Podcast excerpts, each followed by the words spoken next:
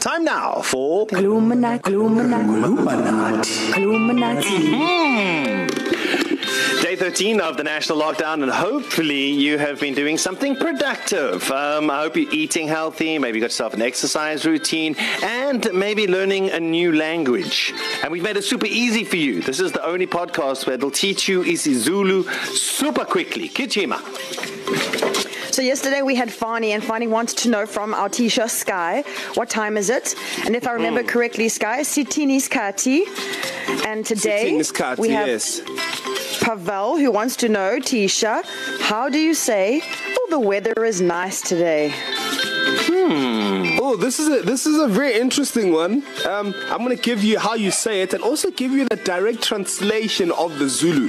So, Okay. um, the weather is very nice today.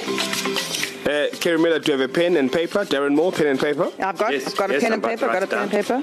Okay, please write it down. Isimo sezulu sihle namhlanje. The weather Oh, is very nice today. sentence. Can I give it a bash? No, it's gorgeous. Yes, go for it. So I wrote it down. Oh, it just rolls off the tongue. It's a beautiful sentence. Isimo sezulu sihle namhlanje. Ow, 100% mfundo wami. Well done, Maule. Miss Hey, Miller. and I'm going to use that.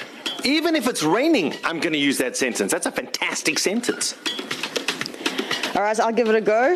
Utisha, isimo sezulu sihle namhlanje. Well done, Kerimela. So if you were if you were talking to me, you wouldn't say utisha, you would say wetisha. Isimo sezulu sihle namhlanje. Wetisha. Utisha. Isimo sezulu sihle namhlanje.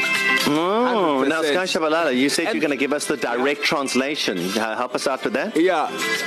Yeah, so isimo sezulu sihle namhlanje direct translation back into English that would mean the situation of the Zulu which can be the heaven which can be the weather is very nice today. So isimo is a situation. Yes. Ah, lock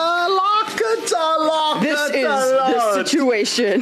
Isimo. Yeah, ngiyakuthola ngiyakuthola kakhulu. So there's your word for the, uh, the sentence for the day. Isimo sezulu sihle namhlanje.